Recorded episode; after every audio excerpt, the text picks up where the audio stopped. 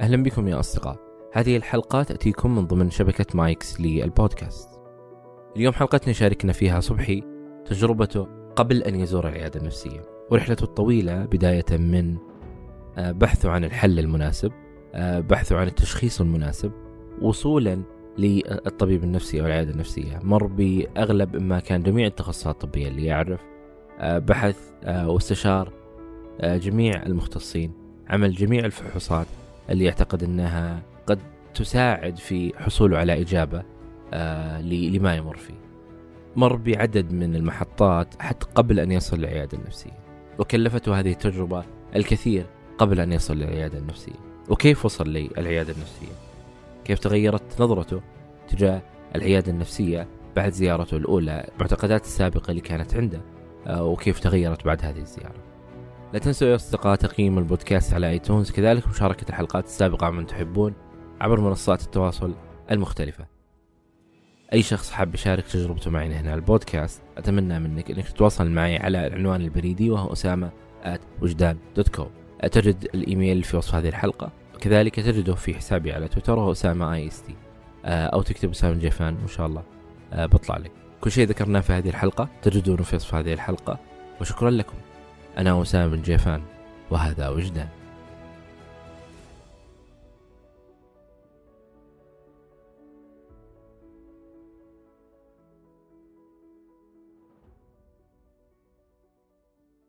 أنا ودي أسأل أول شيء في البداية يعني أنت زرت العيادة النفسية صحيح؟ إيه صحيح. اللي بقالي سنتين أنا براجع العيادة النفسية. من لما يعني من أول مرة آه، انعطى التشخيص اللي هو تشخيص ال panic disorder أو مثل ما بيقولوا يعني اضطراب الهلع. آه، إيش السبب طيب اللي خلاك تزور العيادة؟ آه، السبب في البداية آه، بحكي لك القصة يعني عشان أوضح لك السبب.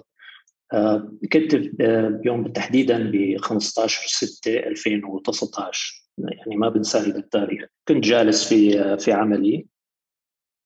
عم أدي عملي طبيعي يعني في المكتب. فجأة حسيت بأعراض تعب. بس أعراض تعب غير غير عادية يعني. أشياء ما حسيت فيها من قبل يعني. كنت أول مرة بشعر بهذه المشاعر. آه هيدي المشاعر خلتني هيك أتحرك بسرعة أتصرف بسرعة أقوم آه آخذ اشيائي عن المكتب. وطلعت كان في صديقي جنبي قلت له أنا أنا طالع البيت يعني ماني قادر أكمل تعبان بس ما بعرف شو القصة ما بعرف شو في آه، الليلة اللي اللي, اللي قبلها كنت كنت ما نايم منيح يعني. فأنا قلت ممكن أعراض تعب من قلة النوم أو هيك أشياء.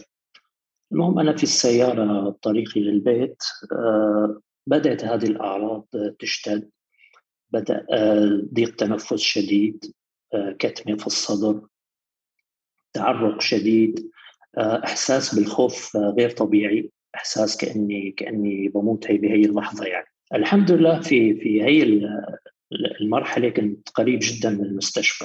ففورا حولت طريقي على المستشفى آه، دخلت غرفة الطوارئ مباشرة يعني بدون استقبال بدون أي شيء دخلت الغرفة ارتميت على السرير. وحتى مو قادر أحكي أي شيء للطبيب غير إني حاطط يدي على صدري وبتنفس بصعوبة طبعا قبل ما أوصل المستشفى كنت بكلم أصدقاء لي يعني يوافوني في المستشفى عشان لو صار شيء ما أكون لوحدي آه، قبل هذا اليوم أنا ما كنت بعرف أي شيء عن آه، عن شيء اسمه نوبات الهلع أو ال panic attacks. يعني كنت أسمع عنها سمع فقط ولكن ما أعرف أعراضها ما أعرف إيش بصير مع مع الشخص اللي بيصاب بهذه النوبة يعني. آه، أنا في غرفة الطوارئ بدأ الطبيب بالفحوصات بدأ يعمل تخطيط قلب بعد ما عمل أول تخطيط طلب إنه ياخذوني على العناية المركزة القلبية فورا. طبعا أنا في الطريق للعناية المركزة أنا خلاص أصبحت موقن تماما إنه إنه هذه ساعتي يعني خلاص أنا بعد هذا هذه الحالة هي دي حالة الموت يعني. تمام؟ بدأت بوصي بأولادي اللي حوالي اللي أوصيهم بأولادي ينتبهوا على أولادي إذا صار معي شيء. المهم في المستشفى آه، بدأوا يعطوني آه، مسيلات دم اللي هو ظنا إنه عندي أزمة قلبية أو شيء. وبدأوا فحوصات مكثفة. من من اللحظة اللي دخلت فيها غرفة غرفة الطوارئ لحد ما نقلوني على العناية المركزة القلبية كان تقريبا مضت حوالي 20 دقيقة. بهال 20 دقيقة كان النفس تحسن قليلا عندي ولكن لسه عندي هي حالة الرعب والضيق في الصدر موجود. بدأنا تحاليل على مدى 24 ساعة عملت كل التحاليل القلبية والاختبارات القلبية الممكنة من اختبارات الجهد إلى السيتي سكان اللي هو اللي هو التصوير مقطعي للشرايين. كنت موصول على أجهزة مراقبة القلب لمدة 24 ساعة. بعد كل هالتحاليل والفحوصات تبين إنه أنا ما عندي شيء بالقلب يعني. وخرجوني بالمستشفى. طبعا بعد ما خرجت من المستشفى أنا غير مقتنع تماما إنه أنا ما فيني شيء. آه الأعراض لا يمكن تكون وهمية تمام. أنا أكيد معي قلب أو معي شيء ثاني بالمستشفى ما عرفوا يشخص آه المهم بدأت آه بدأت بحثي بحثي خلال شهر كامل في العيادات الخارجية في مختلف الاختصاصات زرت كل الاختصاصات المعروفة وحتى غير المعروفة. آه، وأحيانا نروح على أكثر من طبيب لنفس الاختصاص في نفس المستشفى. آه، زرت أطباء الباطنية عملت جميع التحاليل والمناظير الممكنة للمعدة القولون تحاليل كبد تحاليل الكلى تحاليل فيتامينات. آه، زرت عيادات الصدرية عملت كل التحاليل والصور الممكنة. زرت عيادات المخ والأعصاب عيادات العظام حتى إني ذهبت لعيادات الجلدية. تخيل يعني. كل العيادات ما خليت اختصاص ما ذهبت وكل كل الاختصاصات نفس الكلام أنت ما فيك أي شيء عضوي كل التحاليل تشير على إنه أنت سليم. طبعا خلال هذا الشهر أنا لا زالت الحالة عندي آه نزلت غرفة الطوارئ خلال هذا الشهر يعني عدد لا يحصى من المرات وكل مرة نفس الكلام يعملوا لي تخطيط القلب ويقولوا لي أنت ما عندك شيء. لحد ما وصلت لطبيب باطنية آه سمعت عنه يعني ونصحوني فيه. لما كلمته عن الأعراض فورا ما رضي يفحصني ولا عمل أي تحليل ولا أي شيء. قال لي أنت أنت مع اسمه panic disorder أو اضطراب الهلع. ومشكلتك نفسية وليست عضوية طبعا أوصى أني أروح لطبيب نفسي. يعني أكيد بأكد لك بالبداية أنا ما اقتنعت بهذا الكلام. آه، بحكم بحكم يعني خبراتنا المجتمعية إنه إنه بالنسبة لنا الأمراض النفسية شيء شيء لا يعالج يعني. أو شيء بيروح خلينا نقول بالصلاة وقراءة القرآن. المفاهيم الغلط اللي تعلمناها عن عن الأمراض النفسية. طبعا بعد ما خلصت العيادات كمان مثلي مثل أغلب الناس المصابين بهذا المرض التجأت للطب العربي التجأت للمشايخ الرقية الشرعية. طبعا أكيد كله ما في بدون أي فائدة بدون أي شيء أكثر شيء مزعج كان في بالبداية إنه إنه تحس نفسك عايش في عالم موازي عالم أنت غير موجود فيه يعني بعدين بعدين فهمت من الأطباء إنه هذا اسمه اختلال الآنية، الاسم العلمي لهذه الحالة اختلال الآنية. طبعا ولا زلت في في زيارة بهي الفترة في زيارة لغرف الطوارئ لحد ما اقتنعت طبعا اقتنعت إنه أزور طبيب نفسي بعد ما بحثت على المواقع العربية والمواقع الإنجليزية والمواقع الطبية والمنتديات عن عن نوبات الهلع. وشفت إنها تتطابق تماما يعني مع مع الحالة اللي أنا بمر فيها. بعدها قررت زيارة طبيب نفسي. طبعا أكيد اللي حوالي وأهلي ما ما كانوا مقتنعين بهذا الموضوع يعني. إنه ازور طبيب نفسي. ولكن أنا خلص يعني أنا أنا اللي عايش الحاله يعني أنا اللي بتعب كل يوم أنا اللي بروح غرفة الطوارئ كل يوم. فبدي أروح وما ما بيهمني كلام الناس شو شو ما بدهم يحكوا يحكوا. بحثت عن أشهر المراكز والأطباء الموجودة في المملكة وصلت إلى طبيب مشهور. بس للأسف لشدة الحالات عنده من كثر عنده زحمه جدا يعني. فاقرب موعد قدرت أحصله بعد شهر. فاضطريت أذهب إلى مركز ثاني. في المركز الثاني أول ما قابلت الطبيب شرح كمان كل التفاصيل طبعا كل الفحوصات والغرف الطوارئ اللي اللي زورها وسألني شوية أسئلة عن شخصيتي وعن وعن حياتي السابقة عن طفولتي. ففورا شخص الحالة بأنه اضطراب هلع. والنوبات اللي تجيني اسمها نوبات الذعر أو نوبات الهلع. آه، وصف لي نوعين من الأدوية. كانت هذه هي المرة الأولى آه، يعني من طبيب الباطنية إنك تسمع هذا المصطلح اللي هو نوبات الهلع؟ صحيح صحيح. هلأ مش أول مرة بسمع إنه مصطلح نوبات الهلع. إنه بسمعها من قبل ما بعرف شو هي ولا ولا بعرف عوارضها ولا بعرف آه، يعني بفتكر إنه نوبة الهلع كنت أسمع عنها نشوفها بالأفلام واحد صار معه لمدة 30 ثانية نوبة هلع بعدين بعدين استفاق منها بدون بدون أي مضاعفات. ولكن لما لما شرح الطبيب الباطنية عن نوبات الهلع وقرأت عنها أكثر ساعتها أول مرة كنت بسمع عن نوبات الهلع فعليا شو هي نوبات الهلع وفي هذيك اللحظة اللي ذكر لك طبيب الباطنية هل أنت كنت مقتنع بهذا الكلام؟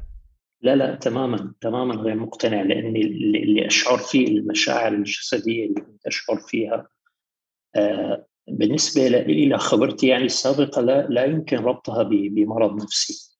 المنشأ أنا حكما يعني حكما منشأ آه، عضو. تمام؟ ففي البداية لا طبعا ما كنت مقتنع بكلامه لحد ما زرت الطبيب النفسي. وحتى بعد ما زرت الطبيب النفسي بأول زيارة أو زيارتين كمان ما كنت مقتنع. بدأ بدأت أقتنع شوي شوي لما لما بدأت آه، أتابع الأدوية وتتحسن حالتي عليها. يعني مثلا بعد ما بدأت آه، آخذ الأدوية بدأت الفترة ما بين النوبة والأخرى تزيد. نوبات الذعر أصبحت بعيدة شوي عن بعضها. أصبحت نوعا ما أخف وقعها أخف من من الأول. آه وبالتدريج يعني شيء فشيء بدأت تبعد آه مع استمراري للأدوية. لحد ما وصلت تقريبا فترة ست شهور بدون أي نوبة. الحمد لله رب العالمين. من بعد أول مرة زرت فيها الطبيب النفسي. والرحلة هذه أنا ودي أعرف آه، ما بين طبيب الباطنية وما بين الطبيب النفسي. آه، آه، انت لانك مريت على جميع التخصصات. وبعدها انتقلت من الطب إلى ممكن الرقاء أو الطب الشعبي أو ايا كانت التسميات هذه لها كيف إيش كانت هذه التجربة؟ يعني كم مريت على شخص؟ ومن هذول الأشخاص؟ أنا ما بقدر أعد على ما بقدر أذكر لك العدد اللي هو كم كم طبيب مريت عليه. مريت على أطباء كثير وحتى يعني من أكبر المستشفيات رحت فيها الموجوده في الرياض. ما, ما خليت اختصاص ولا طبيب معروف إلا زرته. وبعدها آه الرقاة الشرعيين بصراحة أنا جربت شخصين فقط يعني لأنه أنا أصلا في البداية ما كنت ما كنت مقتنع بالفكرة يعني. تمام؟ آه جربت شخصين وأنا ما تحسنت. الرحلة هذه الرحلة الطويلة حقت المستشفيات كلفتك يعني وقت ومال وجهد قبل أن تصل الرحلة الأخيرة ولا شخص منهم ذكر لك إنه زر العيادة النفسية؟ ولا أي شخص إلا هذا الطبيب الباطنية اللي هو زرته آخر آخر شيء. يعني. ولا أي شخص آه، انه طرح الموضوع النفسي. يعني هذا للأسف يعني مع مع كثرة الأطباء اللي شفتها والخبرات اللي زرتها كان كلهم جوابهم بس إنه أنت ما عندك شيء. أنت أنت متوهم بس هذه يعني هذه أقصى كلمة كانوا يقولوها. تمام أنت مضغوط ممكن عندك ضغوط في الحياة ارتاح خذ إجازة كان هذه كلامهم بس يعني بس موضوع الطب النفسي ما كان مطروح ابدا قبل يعني قبل هذه التجربة الطويلة هل تقدر تعطيني إيش كان تصورك عن العيادة النفسية؟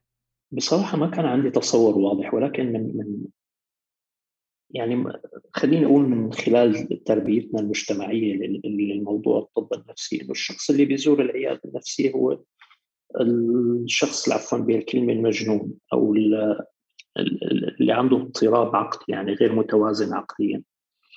طبعا كان هذا مفهوم خاطئ جدا العيادة النفسية العيادة النفسية أوسع وأكبر من هيك بكثير وحتى لما دخلت العياده النفسية لقيت أشخاص أشخاص كثير بمختلف مختلف خلينا نقول الاختصاصات في المجتمع حتى شفت أطباء في العيادة النفسية بيتعالجوا بالعيادة النفسية شفت أطفال شفت كبار نساء رجال شباب يعني مختلف الشرائح المجتمعية موجودة في في العيادات النفسية. بصراحة أنا تفاجأت يعني إنه النظرة اللي كنا آخذينها عن العيادة النفسية مختلفة تماما. أنا توقعت فوت العيادة النفسية ألاقي آه، شخص أو اثنين من الناس مضطربين عقليا وبس وأنا داخل أصلا غير مقتنع بهاي الفكرة. بس بدي اسمع شو عند الدكتور كحل أخير يعني لهذا الوضع اللي عم أعيش فيه. لكن بصراحة تفاجأت لما دخلت العيادة النفسية. حتى في فروع مختصة بالطب النفسي للأطفال. الأطفال اللي عندهم مشاكل. واللي اكتشفت فيما بعد إنه أنا هذه حالة حالة البانيك جتني أنا لما كنت طالب في الجامعة جتني مرة تمام؟ ولكن كانت مدتها قصيرة كثير يعني أنا بتخيل لو مثلا كان عندنا الوعي الكافي في تلك الفترة كان ممكن أنا انعرضت على طبيب نفسي من, أكثر من من تقريبا 20 سنة خلينا نقول. و وتفاديت هيدي التطور المرض معي والأزمة اللي صارت معي. يعني إنه أنت الآن لما عرفتها بدأت تتذكر إنه فعلا هي في السابق أصلا جاتك بس ما كنت تعرف اسم هذا الشيء أو هذه الحالة. صحيح صحيح. كانت تجيني جدا في السابق بس ما كنت أعرف شو هي. وكانت تجي فترة قصيرة جدا يعني وتختفي بعدين. الشيء اللي ساعد إنه هي ما ما تطلع على يعني تطلع بشكل مرضي. آه إنه كنت شخص آه كنت شخص متفاعل يعني مع مع المجتمع. كنت رياضي كان عندي نشاطاتي كنت دائما مشغول. آه في ناس بت بت بتقلل موضوع الرياضة بهذا المجال. الرياضة مهمة جدا جدا جدا. أنا ما كنت شخص رياضي كانت هذه المشكلة خلينا نقول يعني مطمورة مش مش طافية على السطح. يعني خلينا يعني under control مثل ما نقول. آه، بالفترة اللي طلعت فيها كنت آه، كنت ما ما عم بنتبه فيها على صحتي غير رياضي خامل مضغوط مضغوط كثير بالشغل.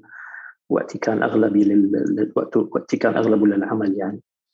تمام حوالي أربع خمس سنوات آه، من الإهمال يعني لصحتي ولجسدي مع الضغوط النفسية خلت هذه المشكلة تطفو على السطح وتظهر يعني. آه طيب آه تجربة زيارة العيادة يعني إيش صار بعد تلك الزيارة الأولى هذه اللي شخص فيها الطبيب؟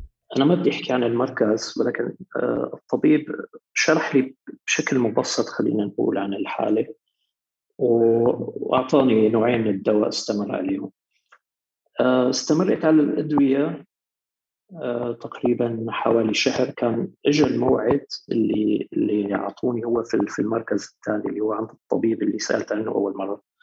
إذا بتتذكر قلت لك إنه عنده زحمة كثير ما ما قدرت أستنى. رحت عند الطبيب كان هذا أول طبيب يشرح لي بالتفصيل عن ال... عن إيش هي البانيك أتاك وشو هي الآلية تبعها كيف بتصير. إيش هي الأعصاب المسؤولة عنها وليش أنت بصير عندك هيدي ردات الفعل بالجسم؟ فهذا هو الطبيب الوحيد اللي اللي خلاني أفهم الحالة بالتفصيل. ساعتها اقتنعت إنه بالمرض إنه هذه الحالة آه، تحتاج علاج مثلها مثل أي آه، مرض عضوي للأسف ما قدرت أتابع نفس الطبيب لأنه مثل ما قلت لك الجدول عنده مزدحم جدا. وفي شغلة أخرى ما بعرف إذا أقدر اذكرها ولا لا. التكلفة كانت في المركز غالية جدا. وأنا تقريبا كنت وقتها محتاج جلسه كل أسبوع يعني. وتكلفتها كانت عالية جدا. والتأمين للأسف ما ما بيغطي ما بيغطي هذا المجال يعني من الطب. فرجعت للمركز بعد ما عرفت الحالة اللي أنا فيها يعني رجعت للمركز اللي رحت اللي زرته أول مرة. ومكمل مع علاجي من لحد الآن يعني. بعد سنة من أخذي للنوع الأدوية الأول أصابت انتكاسة ثانية اضطر الدكتور يغير نوع الدواء إلى آه، نوع جديد يعني. والحمد لله أموري مستقرة أكثر مع مع النوع الآخر مع النوع الجديد من الأدوية. كم كم جلست لفترة آه، حتى يعني وصلت آه، لمرحلة من التعامل مع النوبات هذه؟ بعد أخذك للدواء. هلا في شغلة هون لازم لازم آه، هي شخص مريض. أنا أنا اكتشفت يعني بخبرتي مع هذا المرض إنه إنه هذا المرض آه، علاجه طويل و وعلاج يتم بطريقة البناء. يعني أنت بتبني العلاج بشخصيتك بأدويتك. آه، فترة شهر ولا حتى فترة ست شهور تعتبر فترة قليلة جدا لأنك تحكم على على المرض إنه أنت آه، نسبة الشفاء تبعك كم بس أنا بعتبر من سنتين لهلأ يعني مع المتابعة بالأدوية مع المتابعة بالعلاج السلوكي، العلاج السلوكي مهم جدا.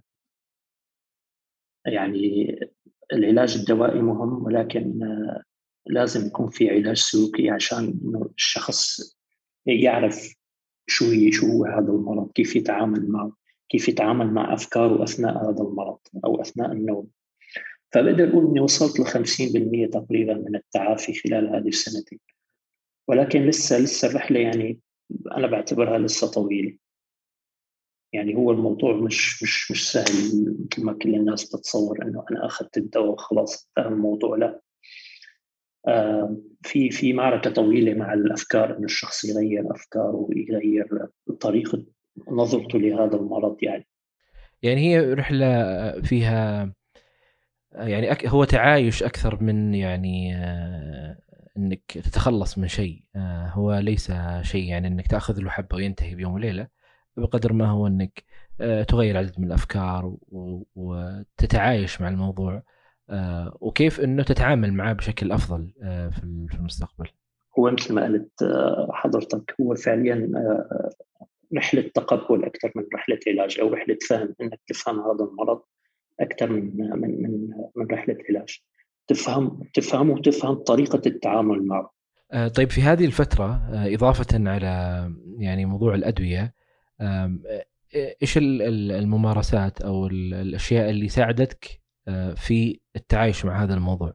آه، إذا كان من أمور أنت أخذتها من الجلسات آه، أمور قرأتها أنت وفعلا ساعدتك في التعايش والتعامل مع الموضوع هذا. بالنسبة للأمور المجتمعية والأشياء اللي نسويها في حياتنا اليومية أول وأهم شيء أنه الإنسان لا يعطي وقت لا يعطي وقت فراغ لنفسه. كيف يعني وقت فراغ؟ مش قصدي إنه يضل على طول عم يشتغل 24 ساعة لا. قصدي ما يعطي وقت فراغ لأفكاره. لا يجلس لوحده كده بدون اي أي نشاط بدون أي عمل. آه، يترك المجال لأفكاره أنها تطفو على السطح وتناقشه. تمام؟ لأنه أغلبها راح تكون أفكار وسواسية وأفكار عن عن عن صحة الإنسان يعني وعن الموت وعن أي الأشياء اللي هو أصلا كان خايف منها. فأهم شيء يشغل نفسه يشغل تفكيره بأشياء بأشياء يعني نافعة. يعني مثلا أنا بدأت بالرسم مش بدأت بالرسم أنا من زمان برسم يعني أنا دراستي فنون أصلا. بس رجعت للرسم مرة ثانية. تمام رجعت أرسم لوحات من جديد أشغل وقتي. أطلع مع أصدقائي كثير ولو إنه أحيانا غصبا عني ما أكون يعني أنا ما حابب أطلع. ولكن أطلع مثلا هي مرة بعد مرة أنت بتصير تتعود على الموضوع بتصير بتحس بالاستمتاع بهي النشاطات يعني. بالبداية ممكن تكون صعبة. آه الرياضة مهمة جدا. طبعا أنا ما عم بحكي عن الرياضة الشاقة ولا عم بحكي عن الأثقال ولا عن هيك أشياء. الرياضة ممكن آه تبدأ بخمس دقائق من المشي كل يوم. تمام؟ وتتطور معك شوي شوي. الرياضة مهمة جدا. الهوايات مهمة جدا. يعني الشخص يتفاعل مع مع أسرته مع أصدقائه مع الناس اللي حواليه مع مجتمعه وبالنسبة للمرض يعني بس كمان بيحتاج لتدريب. بيحتاج لتدريب شاق إنك لما لما تجيك الأزمة تكون عندك الوعي الكافي لتعرف إنه هذه مجرد وهم أو ردة فعل خلينا نقول تشنج من الجسم ردة فعل نفسية وأنت جسديا أو صحيا سليم. تماما وما فيك أي شيء. يحتاج إلى تدريب تدريب شاق وطويل ومساعدة. مساعدة من من أخصائيين يعني أخصائيين علاج سلوكي. ولكن بإذن الله يعني يعني قادر على على أي شخص مصاب قادر على التخطي ويرجع خلينا نقول لنسبة 90% من من الشخص اللي كان عليه أو أكثر شوي. ولكن بحاجة لشغل العمل. لأنه اللي فهمته من الأطباء ومن المعالجين اللي زرتهم إنه هذا المرض مش ناتج عن عن أزمة واحدة مرت في حياتك أو أو حدث يعني معين مر في حياتك ولكن هو موضوع تراكمي. ويعني أنا بدي آه، وجه رسالة لكل الناس المريضين بهذا المرض. أنا اللي اكتشفته من هذا المرض إنه أنت منك شخص ضعيف يعني أنت لست شخص ضعيف إنه صار معك المرض بالعكس أنت شخص قوي وقوي جدا وتحملت أعباء طويلة وكبت طويل لفترة معينة من حياتك لحتى بعدين ظهر عندك هذا المرض. تمام؟ ف... فهذا يعني الشيء بيدل على قوة ولا يدل على ضعف إني إني, إني أنت مصاب بهذا المرض. ولا زلت يعني لا زلت برحلة علاجي لا زلت باخذ الأدوية وبتابع مع الأخصائيين السلوكيين. آه، طبعا الأدوية أنا ما عملت لي أي في ناس كثير بتخاف من الأدوية النفسية أنا ما عملت معي أي مضاعفات. في دواء منهم آه، زاد عندي الوزن بشكل طفيف يعني مش كثير ولكن يعني بضل إنه قادر تتحكم فيه بالرياضة بموازنه أكلك. الآن بزيارتك للعيادة النفسية وأخذك للأدوية تقريبا يعني قرابة الآن يمكن من التشخيص يمكن قرابة السنة ونص أو السنتين فيه نظرة مختلفة من المجتمع ومن الناس تجاه هذا الأمر تجاه العيادة النفسية تجاه الأدوية النفسية أنت كيف قدرت تتعامل مع هذا الشيء؟ كيف قدرت تتعايش مع هذا الموضوع؟ والله في في ناس كانوا متفهمين للموضوع ولكن للأسف لا زلت بحاجة إني أخبي الموضوع عن عن بعض الناس يعني وخاصة آه، المحيط العملي يعني اللي العمل اللي أنت شغال فيه. يعني أنا جربت الموضوع في في مكان عملي في بداية لما كنت أراجع الطبيب النفسي. إذا كان كان الموضوع جدا سلبي التعامل معه. فلسه ما في مو موجودة هي ثقافة التعامل مع شخص إنه بيزور العيادة النفسية. فللأسف أنا مضطر خبيه يعني حاليا في مكان عملي إنه آه، أي شخص ما يدري عليه. وبنفس الوقت أنا عم أدي أموري أمور عملي بشكل طبيعي يعني. أحيانا ممكن يصير معي أشياء بالعمل ممكن اطلع مثلا لسبب لسبب آخر بس مو ضروري حد يعرف إنه أنا مصاب بهذا بهذا الموضوع. هذا بالنسبة للمحيط العمل المحيط المجتمعي في عندي أصدقاء متفهمين لهذا الموضوع. بالعكس بيعاملوني بكل حب وبكل احترام. في ناس آه، لا. في ناس غير متفهمه ابدا. آه، في ناس غير متفهمه ويعني تنفر منك تبعد عنك. في ناس غير متفهمة بس ما ما بتأذيك يعني عادي بتقول لك أنا ما بقتنع بهيك شغلات بس هذا بالنهايه الموضوع بيرجع لك لك في شوية معاناة لسه بالتعامل مع مع المجتمع بالنسبة لموضوع الطب النفسي. يعني في لسه كثير ناس تعتبر العيادة النفسية هي عيادة للأشخاص الغير سليمين عقليا وهي غير ضرورية. وفي حتى ناس تعتبرها رفاهية. وللأسف للأسف أنا سمعت آه، كلمة إنه الأعراض اللي أنت عم تصير فيك أنت سببها وهذا نوع من التمثيل إنه أنا عم مثل يعني هذا هذا المرض. للأسف سمعت هذه الكلمة كثير فبالفعل يعني نحن بحاجة إلى توعية بالنسبة للموضوع النفسي يعني. وأعتقد يعني في لما إحنا نتكلم عن النقطة هذه آه، في نظرة المجتمع أو الناس القريبين منك يعني النقطة الأساسية أو المهمة للشخص اللي يبحث عن المساعدة هو آه، طلبه للمساعدة. آه، ليس بالضرورة أن الناس تعرف، ليس بالضرورة أنه يتكلم، ليس بالضرورة أنه حتى يشارك، هي المهم في القصة هذه هو أنت. كيف تحصل على هذه المساعدة بأي طريقة يعني كانت تحصل عليها من حولك يعني آه، ممكن تجد الشخص هذا اللي يتكلم عن هذا الموضوع قد تكون له تجربة لكنه يخاف بالحديث عن هذا الموضوع ولا وده يناقش. أو أنت يعني ذكرت إنه في في لما زرت العيادة النفسية يعني أنت يعني الموعد صار بعد شهر فالمزدحم أصلا عند الموضوع. الأمر الآخر شفت الأطياف المختلفة من المجتمع اللي موجودة في العيادة. من من كل من كل شرائح المجتمع موجودين والمهم في في في القصة أو مشاركة هذه القصة أو حتى زيارة أحدهم هو انه الناس تعرف إنه في ناس يروحون ويحصلون على المساعدة المطلوبة ويتخطون هذه المرحلة آه، بغض النظر كيف كانت وشلون هذا ما هو ما هو مهم آه، حقيقة كثر ما هو آه، أنت يا الشخص وحصولك على المساعدة اللي أنت تحتاجها.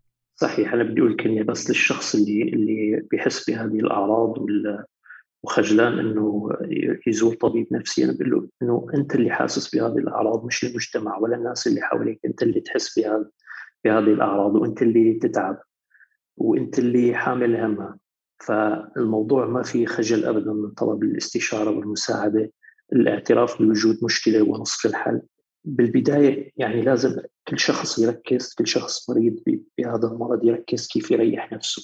آه انسى انسى كلام الناس عنك انسى أي شيء بده يتقال عنك اطلب المساعدة ولا تخجل يعني. وفي صورة الآن يعني آه آه شوي يعني مختلفة. الآن بالنسبة للرجل آه، وطلبه للمساعدة في مثل هذه الأمور آه، وحديثه عن هذه المواضيع آه، للأسف الأنماط اللي موجودة ما بين الذكر والأنثى والأنماط الغير صحية أصلا اللي إحنا نسمعها.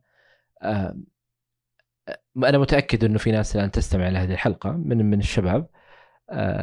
لكنه يرى فيها نقطة ضعف ويرى فيها خوف أكثر من أي شيء آخر. ممكن أنه يتحمل أي شيء على إنه يعترف بهذا الضعف ويعترف بهذا ال ويعترف يعترف بوجود هذه ال ال الإشكالية. فايش ممكن نقول لهم هذول الأشخاص؟ كلامك صحيح تماما. آه في ناس تعتبر إنه أنا مجرد اعترافي بهذه المشكلة هي ضعف فعليا فعليا الموضوع عكس تماما. آه أكثر من يعني أنا من خلال تجربتي تأكدت إنه الشخص القوي فقط هو اللي بيصيبه هذا المرض. هو كان قوي وتحمل كثير خلال حياته.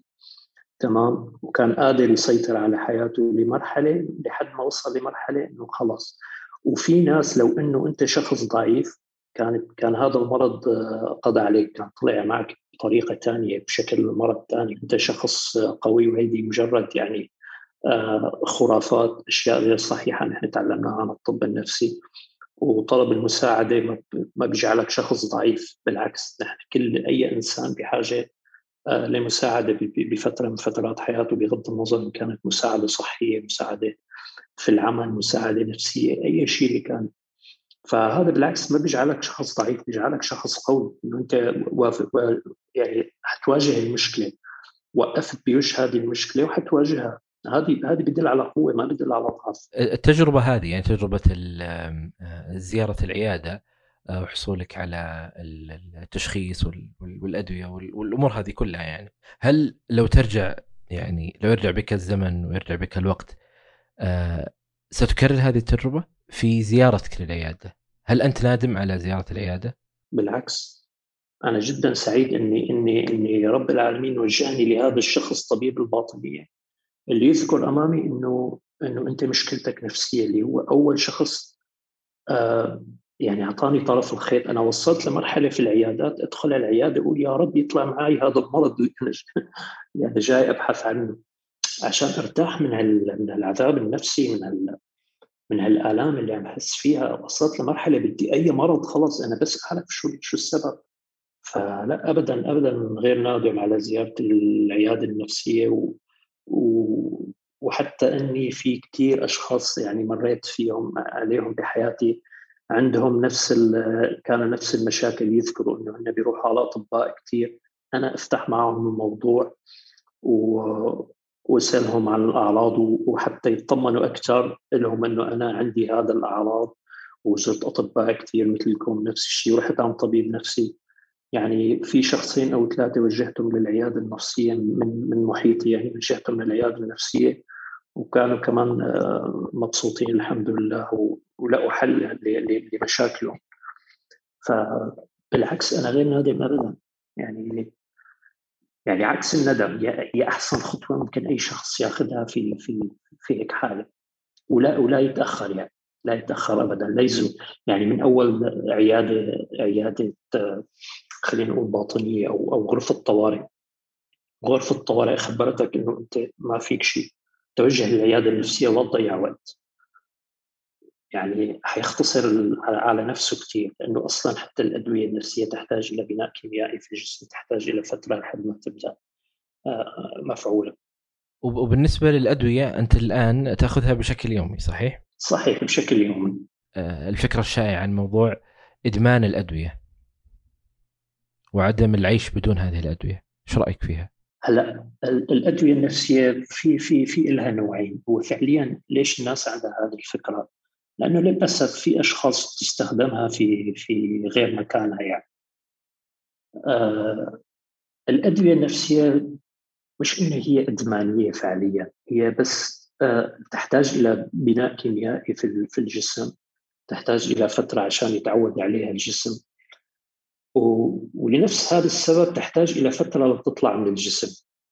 ولكن هذا ما بيعني إنه هي إدمانية. في أنواع في أنواع من الأدوية النفسية أنواع مهدئه تمام؟ هذه تعتبر إدمانية في الاستخدام الخاطئ وليس في الاستخدام الصحيح. نحن عندنا مفهوم خاطئ تماما عن هذه الأدوية. الأدوية هذه لا يعني خليني أحكي مثل ما بيقولوا الناس بالعامية لا تسبب الزهزهة ولا تسبب السلطنة ولا تسبب التخدير ولا تسبب أي شيء. هي فعليا أدوية علاجية. لما أنت بتاخذها بيكون عندك تشنجات بيكون عندك آلام في أماكن الأدوية العضوية ممكن تلاقي لها حل. هذه الأدوية بإذن الله بتخفف لك هاي الأعراض. ما بتسبب لك أي شيء ثاني موضوع إنها إدمانية هي تصبح إدمانية في حالة الاستخدام الخاطئ. طول ما هي مستخدمة من قبل باستشارة الطبيب بوصف الطبيب آه، الأمور طبيعية جدا حياتك طبيعيه جدا. أنا مريت على أربع أنواع أدوية خلال هذه الفترة.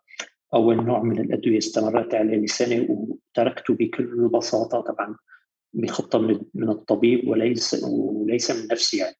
ما في يعني أنا ما بنصح أي شخص من نفسه يترك الأدوية لازم تكون باستشارة الطبيب. وانتقلت لنوع أدوية ثاني كمان ما سبب عندي اي أي مضاعفات في نوع من الأدوية الثالثة اللي هي الناس بتعتبرها أدوية مهدئة أخذته لفترة قليلة جدا وطلعت منه بس لمحاربة الأعراض اللي كانت عم تجيني لحد ما يبدأ الدواء الأساسي بالبناء الكيميائي في في الجسم. وأخذت لفترة شهر ووقفته بدون أي مشاكل بدون أي ادمان مفهومنا خاطئ تماما عن هذه الأدوية ما فيها بالاستخدام الصحيح بإذن الله ما فيها أي ضرر ما فيها أي مشاكل وهي ليست إدمانية هي في أنواع محددة فقط تعتبر إدمانية ولكن باقي الأدوية لا ليست إدمانية. أنت ذكرت لي إنه أهمية الجلسات آه، مع يعني موضوع الأدوية. ليش أنت تقول إنه الجلسات والأدوية راح تكون يعني خليط ممتاز لمساعدتك للتعايش مع هذا الموضوع؟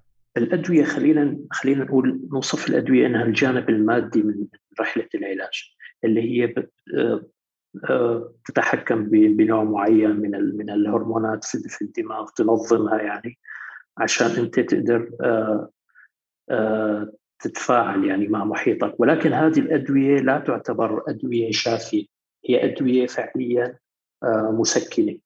مثل أي شخص عنده ألم ألم في الرأس مثلا وأخذ حبة مسكن ولكن فعليا هو ممكن يكون عنده مشكلة ثانية لازم يعالج هذه المشكلة، المشكلة النفسية تحتاج إلى إلى علاج سلوكي، العلاج السلوكي هذا الشخص يغير من افكاره ومن طريقة تعامله مع المرض، هذا هو العلاج الحقيقي يعني. ولكن الادويه تعتبر آه، مجرد مسكنات، أنا ما عم أقول إنها غير نافعة لا بالعكس.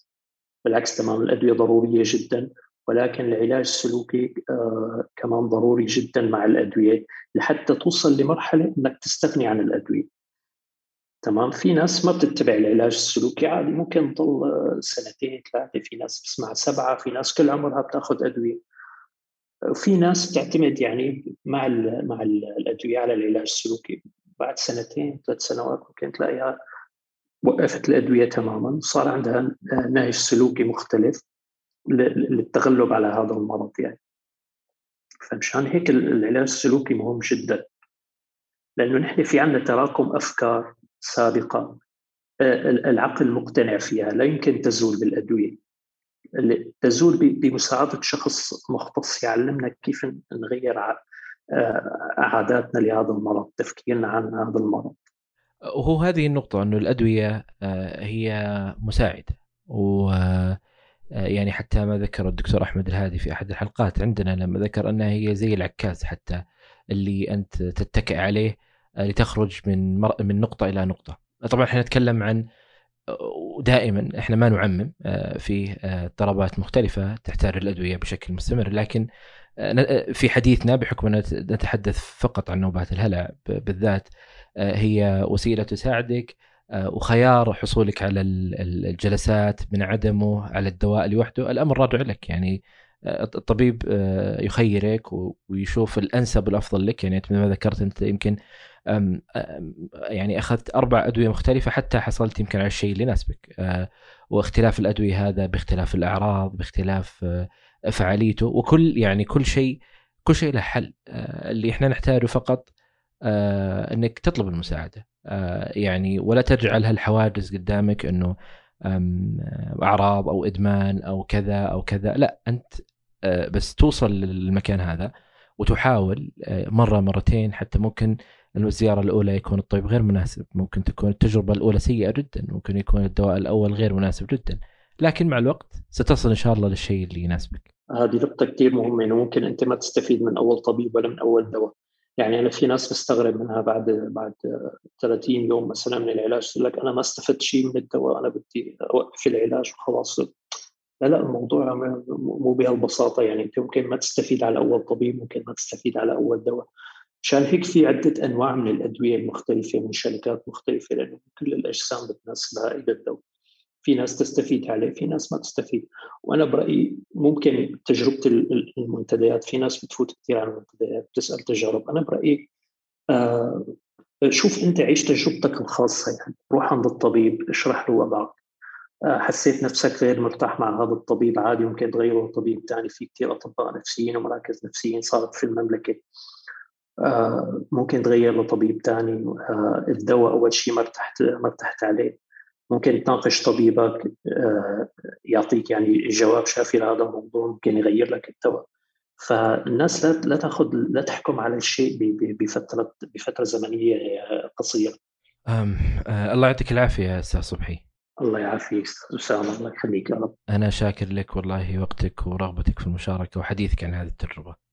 أنا بس في شغلة بسيطة ممكن طولت عليكم الوقت بس شغلة بسيطة بدي أضيفها أنا بتمنى يعني يعني مثل ما حضرتك ذكرت في البداية أنا ابن هذه البلد يعني اللي فترة طويلة عايش فيها وعايش من خيرها الحمد لله رب العالمين. وابن هذه البلد. والأشياء اللي بطرحها اللي بدي أطرحها يعني من من محبتي نابع من محبتي. من من من حبي إنه يكون فيها كل شيء متكامل. فأتمنى يصير في في هنا مجموعات مجموعات علاجية مجموعات علاجية لناس. يعني تشوف برا مثلا في في group therapy شيء اسمه group therapy ناس عندها نفس المشكلة تجتمع مع بعض بتحكي مشاكلها على فكرة هذا الموضوع جدا مريح. ولكن لازم يكون في مظلة داعمة لهذا لهذا لهذا الموضوع. تشمل هذا الموضوع. الموضوع الثاني اللي هو العلاج النفسي يعني أتمنى أن ينظر فيه من موضوع التكلفة خاصة بالنسبة لشركات التأمين لأنه إنه يعتبر هو كمرض مو مش مرض أساسي أو خطير ويعتبروه إنه الحاجة الحاجة إلى إلى العلاج النفسي هي شيء رفاهي وليس شيء أساسي مع إنه هو العكس تماما يعني. فهذه النقطتين أظن إنه إذا تحسنت يعني أظن في كثير ناس راح تتجرأ على العلاج النفسي أكثر من من قبل.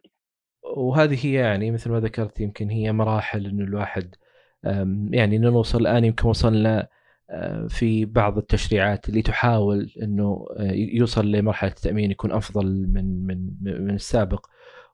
وكل هذه الأشياء يعني إن شاء الله إنه حديث الناس اللي يشاركون بالتجارب هذه هو صراحة جزء من التعديل والتحسين والوصول لخدمة أفضل والوصول لناس بشكل أكبر آه، فبإذن الله يعني إن شاء الله الأمور والمستقبل بإذن الله ينتظرنا. بإذن الله تعالى وأنا بالنسبة لأي شخص يعني من. بيشوف بيسمع هذه الحلقة وحابب يتواصل معي أنا ما عندي مشكلة أترك أي أرقام التواصل آه، أو يعني حتى رقم جوالي ال social media إيميلي أي شخص يعني حابب يتواصل معي أنا أنا أنا جاهز يعني لأني فيده بهذا الموضوع بخبرتي القليلة يعني ممكن كمان هو الشخص يكون عنده شيء يفيدني فيه. لا بد بالعكس أنا إن شاء الله راح أضع آه، طرق التواصل معك في وصف هذه الحلقة آه، والأشخاص إن شاء الله يعني اللي بحب يتواصل معك أو شيء أبد يعني يكون موجود طريقة التواصل. إن شاء الله الله يعطيك العافية أستاذ أسامة وشاكر جدا على هذه على هذه القناة يعني اللي اللي بالفعل فتحت مجال لكثير ناس إنه وأنا واحد منهم إنها تشارك تجاربها إنه تطلع من مرحلة الخوف والخجل من من المرض النفسي يعني. الله يعطيك والله يقويك يعني تستمر بهيك شيء بهيك نفع للناس وللمجتمع. شكرا لكم يا أصدقاء لاستماعكم لهذه الحلقة. لا تنسوا مشاركة الحلقة مع من تحبون عبر منصات التواصل المختلفة. أي شخص حاب يشارك تجربته معي هنا على البودكاست أتمنى منك أنك تتواصل معي على العنوان البريدي وهو أسامة وجدان كل شيء ذكرناه في هذه الحلقة تجدونه في وصف هذه الحلقة. وشكرا لكم. أنا أسامة الجيفان وكنتم مع وجدان.